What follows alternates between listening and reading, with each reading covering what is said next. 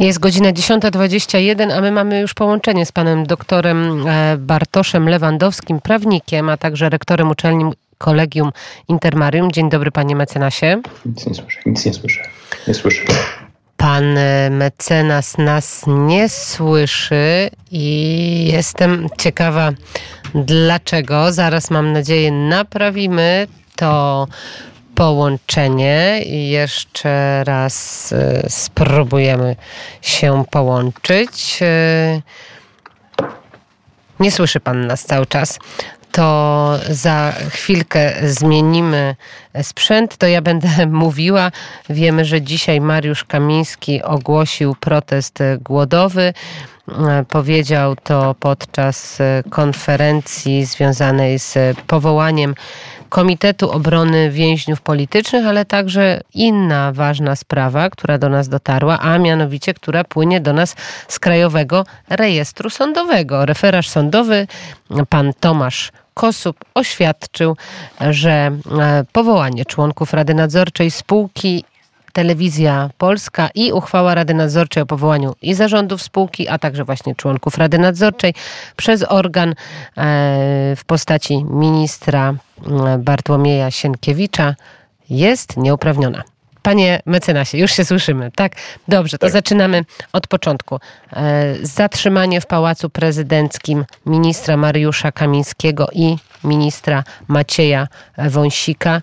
E, co pan sądzi o takich działaniach polskich e, służb i gdzie my się dzisiaj, jeżeli chodzi o ten porządek prawny, znajdujemy, bo słyszymy zupełnie dwie różne i skrajne narracje. To znaczy, y, z punktu widzenia polskiego porządku konstytucyjnego, pamiętajmy o tym, że organy władzy publicznej, wszelkie organy, w tym policja, y, ministrowie, działają na podstawie i w granicach prawa, również sędziowie. I y, istnieje w Polsce zasada niekwestionowana dotychczas, mianowicie zasada domniemania konstytucyjności ustaw. Do momentu, kiedy ustawa nie zostanie zmieniona, ewentualnie nie zostanie stwierdzona jej niezgodność przez Trybunał Konstytucyjny z ustawą zasadniczą, taka ustawa obowiązuje i jest e, ustawą, która powinna być wykonywana, respektowana e, i jej reguły są jasne. Natomiast w chwili obecnej mamy stan który można powiedzieć, e, no, nawet nie tyle samego chaosu prawnego jako takiego, tylko zakwestionowania pewnych fundamentalnych e, zasad funkcjonowania porządku konstytucyjnego w państwie. Dlatego, że jeżeli ja słyszę, że marszałek Sejmu Rzeczypospolitej Polskiej, który ma e, de facto rolę no, listonosza, ma przekazać odwołanie posłów do Izby Kontroli Nadzwyczajnej Spraw Publicznych Sądu Najwyższego, czyli tej izby właściwej do rozpoznania odwołań zgodnie z ustawą, nagle stwierdza, że on nie przekaże do tej izby, tylko przekaże do jakiejś innej izby, ponieważ on uważa, że e, tego rodzaju działanie jest słuszne, no to mi osobiście jako prawnikowi zapala się lampka, czy tutaj mamy de facto do czynienia z działaniem zgodnym z prawem, czy, e, czy nie. Ja stoję jednak na stanowisku, e, że ustawy, które obowiązują, obowiązują każdego, łącznie z, z marszałkiem Sejmu. No i dotyczy to de facto wszystkich aspektów działalności. Mm, mamy do czynienia z pewnym wytworzeniem się takiego stanu E, takiej narracji, jakoby w państwie polskim istniał chaos. I rzeczywiście dla, dla przeciętnego człowieka, e, obserwatora też tego życia publicznego jest no niejasne, dlaczego Sąd Najwyższy nie uznaje orzeczeń Trybunału Konstytucyjnego, który wypowiadał się w kwestii interpretowania i interpretował akt łaski prezydenta jako akt abolicji indywidualnej, którą można podjąć w, w, toku postępowania karnego. Dlaczego lekceważy się niektóre rozstrzygnięcia, e, uznając, że jest to, że organy, które e, zostały wydane, które wydają dane rozstrzygnięcia, ewentualnie sędziowie, no nie są sędziami, no to, są, to jest spowodowanie pewnego chaosu, natomiast to ma określony cel, to znaczy E, pamiętajmy o tym, że mm, w Polsce mm, mam takie wrażenie jako obserwator i też e, osoba zajmująca się zawodowo, naukowo doktrynami polityczno-prawnymi, mamy do czynienia z odrodzeniem się doktryny decyzjonizmu. Ja tylko przypomnę, że to jest doktryna mm, opracowana e, przez no, prawnika III Rzeszy Karla Schmidta, znanego, wybitnego swoją drogą prawnika, jednocześnie twórcy takiego poglądu, że w sytuacjach w stanach nadzwyczajnych, w sytuacji, kiedy prawo nie działa, jedynym aktem porządkującym system e, państwowy jest akt woli politycznej. To znaczy tutaj, skoro mamy jakiś chaos prawny oraz skoro mamy pewną, e, pewne e, rozwiązania, pewne, pe, pewne zamieszanie legislacyjne, e, które się wytwarza w tym stanie, no, to tutaj akt woli politycznej, który nie bierze się właśnie z przepisów prawa, tylko z, z czystej woli, no, stanowi źródło prawa, źródło jakichś obowiązków. I to jest bardzo niebezpieczna koncepcja. Ja przyznam się szczerze, nigdy w życiu nie pomyślałbym, że ta koncepcja, którą żeśmy um, odrzucali y, i która była krytycznie, y, do której krytycznie podchodzono w trakcie chociażby moich studiów, z zakresu doktryn polityczno-prawnych nagle będzie miała w jakimś stopniu przełożenie na, na rzeczywistość w Polsce. No ja powiem szczerze, jestem, nie ukrywam, jako prawnik e, troszeczkę mm, e, nie ukrywam, zadziwiony tym, że, że, że można w ten sposób interpretować te akty władzy. No ja się akurat e, obserwując tą E, to, co te wypowiedzi przedstawicieli aktualnej mm, większości rządzącej, no, e, obawiam tego, że orzeczenia Trybunału Konstytucyjnego, wszelkie orzeczenia Trybunału Konstytucyjnego, które będą zapadały, po prostu nie będą respektowane przez e, organy władzy publicznej i będą lekceważone, ponieważ do tego mniej więcej ta narracja zmierza. E, o tym już mówiłem, no to jest, e, to jest bardzo niebezpieczne. To znaczy, to, to, to, to, to mamy do czynienia już w chwili obecnej z upadkiem pewnych zasad konstytucyjnych. Panie doktorze, a jak pan się odnosi z kolei do tej sprawy związanej z telewizją publiczną i mm, brakiem wpisu e, do Krajowego Rejestru Sądowego? Pana chyba nie dziwi zupełnie taka postawa, prawda? Która płynie od referendarza sądowego, że odmówił nie, wpisu tych nie, organów. Nie, dziwi Znaczy bardzo, bardzo mnie cieszy, że mm, tak z punktu widzenia pewnego. No bardzo, bardzo, bardzo się cieszę, że mm, tutaj referendarz, który rozstrzygał tę sprawę, to nie była sprawa łatwa z uwagi chociażby na zainteresowanie medialne.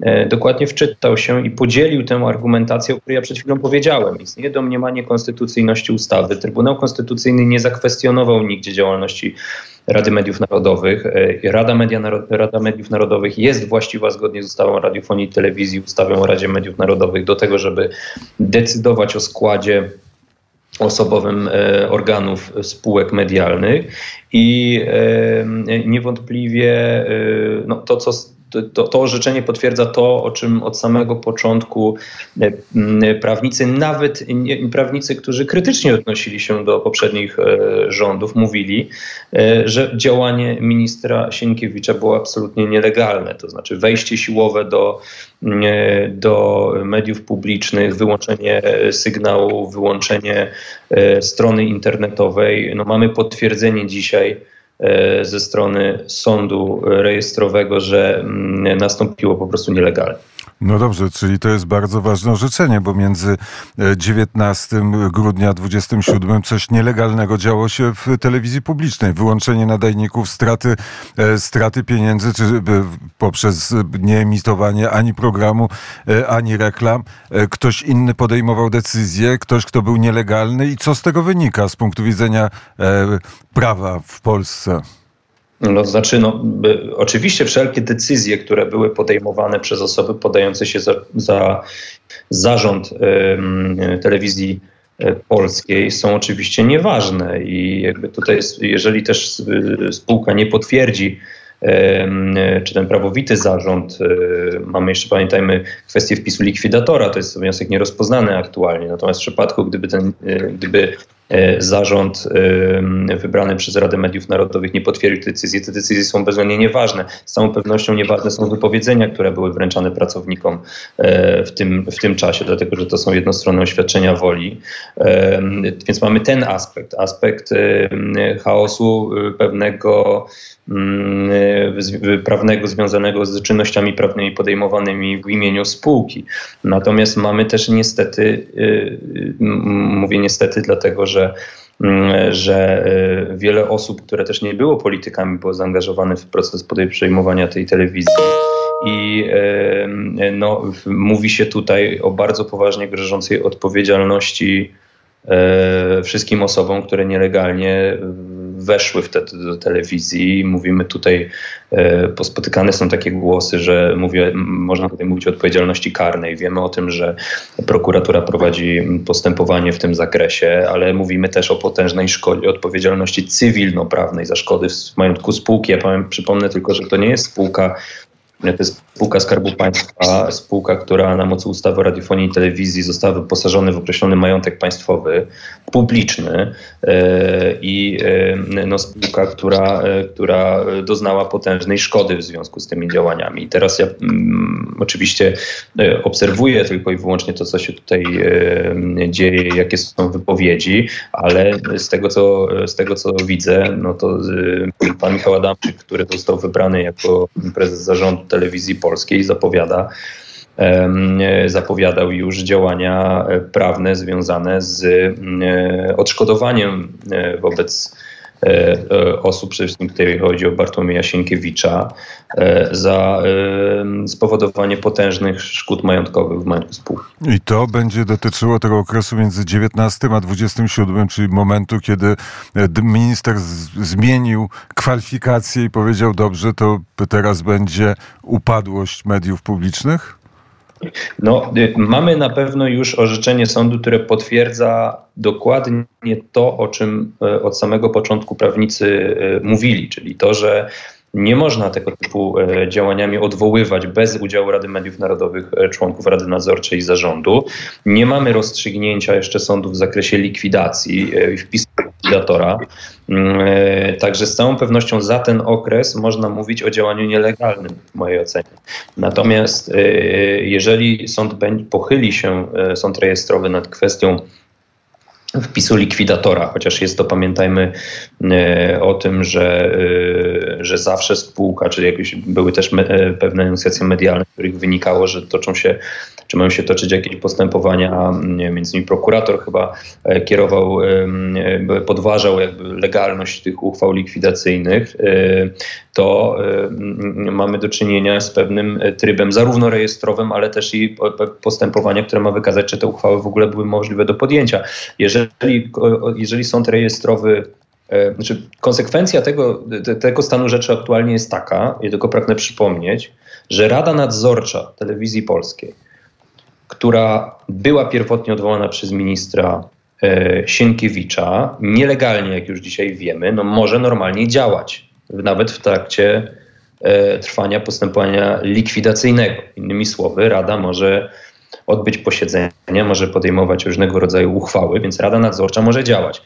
E, co do tego, czy może działać zarząd, prezes zarządu aktualnie telewizji polskiej, czy likwidator, Istnieje spór, zobaczymy jak ten spór rozstrzygnie sąd rejestrowy. Natomiast sąd rejestrowy, proszę pamiętać, że co do meritum, y, on ma pewną ograniczoną kognicję. To jest kwestia wpisu do rejestru. Y, nie jest to kwestia badania bardzo szczegółowo tego, czy uchwały czy są podstawy do stwierdzenia nieważności takiej uchwały, czy nie. Od tego jest inne postępowanie, które być może się toczy. Mm, najprawdopodobniej się to jak wynika z, z, z medialnych doniesień. Natomiast, yy, natomiast no, jeżeli sąd rejestrowy by przesądził o tym, że ustanowienie, że podjęcie uchwały o likwidacji telewizji polskiej jest niezgodne z prawem i nie można takiego likwidatora wpisać, no to, yy, to mamy do czynienia z powrotem, yy, no, tak naprawdę z, z uprawnieniem do tego, żeby zarząd wybrany przez Radę Mediów Narodowych po prostu wszedł do budynków i no, zaczął wydawać polecenia, zarządzać spółką. Y, ale powiedział pan, że Rada Nadzorcza może zacząć obradować, ale nie może y, zmienić y, teraz zarządzającego tą, tym procesem likwidacji telewizji. Nie, oczywiście takiego uprawnienia nie ma, natomiast może jakby podejmować szereg innych działań, e, które, e, które znajdują się w statucie spółki e, w zakresie nadzoru nad sposobem działania. No, różnie to jest kształtowane w przypadku różnych spółek i rady mają czasami mniejszą, czasami większą możliwość działania. Tym niemniej w sensie formalnym rada nie doszło do skutecznej zmiany Rady Nadzorczej Telewizji Polskiej, która może podejmować działania, ale przede wszystkim w mojej ocenie no, ma prawo do tego, żeby wejść do siedziby telewizji polskiej, żeby, żeby podejmować różnego rodzaju działania faktyczne. Po, powiedział Pan o odpowiedzialności karnej, ale kto miałby ponieść taką odpowiedzialność karną? E Powiem w ten sposób. E, wskazywane w mediach osoby, które mają ponieść odpowiedzialność karną, to jest przede wszystkim pan Bartłomiej Sienkiewicz, który, e, jak wynika z informacji medialnej, e, prokuratura zdaje się wszczęła już postępowanie przygotowawcze pod kątem przekroczenia przez niego uprawnień.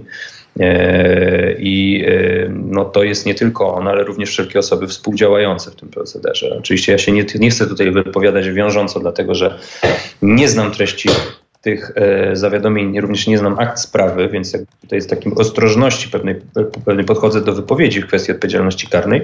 Tym niemniej moje no, działanie na szkodę spółki, działanie nielegalne podlega odpowiedzialności karnej. Ten termin przedawnienia jest dosyć długi. No, w takich e, e, przy przyjęciu, że doszło do przekroczenia uprawnień, ten termin przedawnienia może być nawet 15-letni.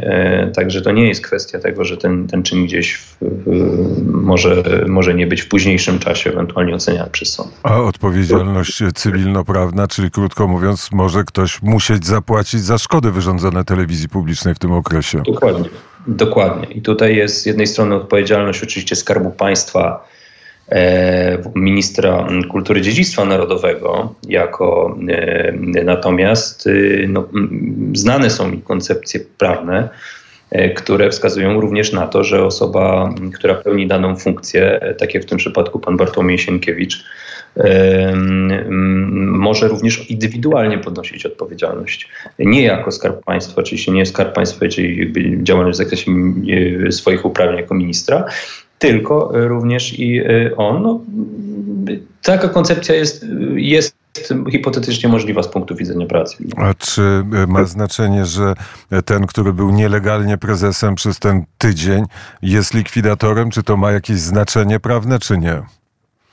E, nie, oceniamy czynności podejmowane e, w konkretnych datach. To znaczy, jeżeli na moment, dajmy na to, mówiąc, mówiąc już obrazowo i, i, i na przykładach, doszło do wypowiedzenia umowy o pracę, ewentualnie rozwiązane ze skutkiem natychmiastowym stosunku pracy w okresie przez osobę podającą się za aktualnego prezesa zarządu spółki powołanego przez ministra, e, no to bezwzględnie takie oświadczenie jest nieważne. Taki pracownik e, oczywiście dalej jest zatrudniony ma prawo do tego, żeby uzyskać wynagrodzenie za pracę. Są również inne, ewentualnie przewidziane w prawie podstawy odpowiedzialności. To jeszcze jedno pytanie dotyczące e, tego stanu likwidacji mediów publicznych. Czy jeżeli jest likwidacja jakiegoś przedsiębiorstwa, to można zawierać nowe e, kontrakty, na przykład transmisję meczów albo transmisję jakiegoś wielkiego wydarzenia kulturalnego albo cokolwiek w tym stylu, czy nie?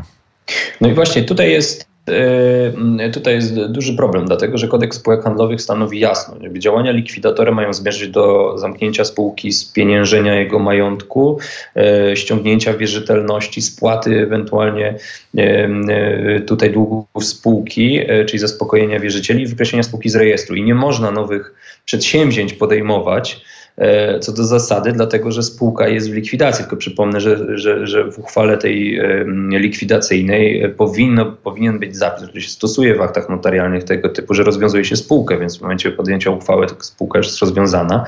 Natomiast czynności likwidatora ograniczają się do zamknięcia spółki i do wykreślenia spółki z rejestru. To nie jest tak, że można sobie w nieskończoność też prowadzić taką likwidację i de facto rozwijać działalność spółki. To tak nie wygląda. E, I i sam w tym komunikacie ministra e, kultury, no, pan minister de facto sam sobie zaprzeczył, twierdząc, że z jednej strony on otwiera likwidację, ta likwidacja może być cofnięta później, a oprócz tego to, że są tak naprawdę problemy w e, płynności finansowej spółki, a nie, e, a nie kwestie, które bezwzględnie skutkowałyby, nie wiem, ogłoszeniem, znaczy zamknięciem tej, tej działalności tego podmiotu. No i ty, ty nie, nie do końca zrozumiałem, co to oznacza. Mm, oznacza to to, panie redaktorze, że w mojej ocenie, i myślę, że chyba wszyscy jesteśmy do tego zgodni, że celem ustanowienia otwarcia likwidacji wcale nie była kwestia wykreślenia spółki z rejestru i e, realizowania tych e, obowiązków przez likwidatorów, które były, są opisane w kodeksie spółek handlowych, tylko po prostu odsunięcie zarządu dotychczasowego od możliwości wykonywania swoich funkcji. I taki był cel E, taki był cel otwierania likwidacji, po prostu przejęcia kontroli nad. Ale czy można tak to wszystko prawnie ustawić? Czy jest taka sytuacja, jakby na boisku piłkarskim zaczęliby piłkarze rękami rzucać do bramki, to by można było, przyszedłby prawnik i powiedział, że to jest zgodne z prawem, bo, bo e, noga czy ręka to wszystko jedno, bo to są części ludzkiego ciała. E Panie redaktorze, oczywiście wszystko można e, próbować uzasadnić. W mojej ocenie, tak na tyle, na ile ja analizowałem przepisy ustawy o radiofonii i telewizji, orzecznictwo Trybunału Konstytucyjnego w tym zakresie, e, nie ma możliwości e, zlikwidowania, otwarcia likwidacji spółki, spółek, które są ustanawiane ustawą o radiofonii i telewizji. Ustawa przewidziała utworzenie takich spółek, zobowiązała ministra do spraw Skarbu Państwa do otwarcia, do zawiązania tych spółek, co nastąpiło i nie ma możliwości otwierania likwidacji e, tych, e, te, te, tego typu podmiotów. Natomiast oczywiście no, zdajemy sobie sprawę z tego, że, że są postępowania sądowe. Ja nie jestem oczywiście prawnikiem, więc nie, nie mam autorytetu do tego, żeby wiążąco rozstrzygać te kwestie. No i poczekajmy na rozstrzygnięcie. Będziemy na to rozstrzygnięcie czekali. To ja jeszcze chciałam tylko dopytać, to znaczy, że działania Ministerstwa Kultury w tym zakresie, możemy powiedzieć, że są to działania pozorne, jeżeli chodzi o likwidację, czy, czy, czy jak tak. mamy to nazwać? Znaczy, to trzeba wprost odkreślić, no to są działania pozorne, to znaczy z całą pewnością, e, pani redaktor, e, szanowni państwo, no z całą pewnością komunikat ministra kultury nie świadczy o tym, że działaniem i celem e, pana ministra było e, zlikwidowanie mediów czy spółek medialnych.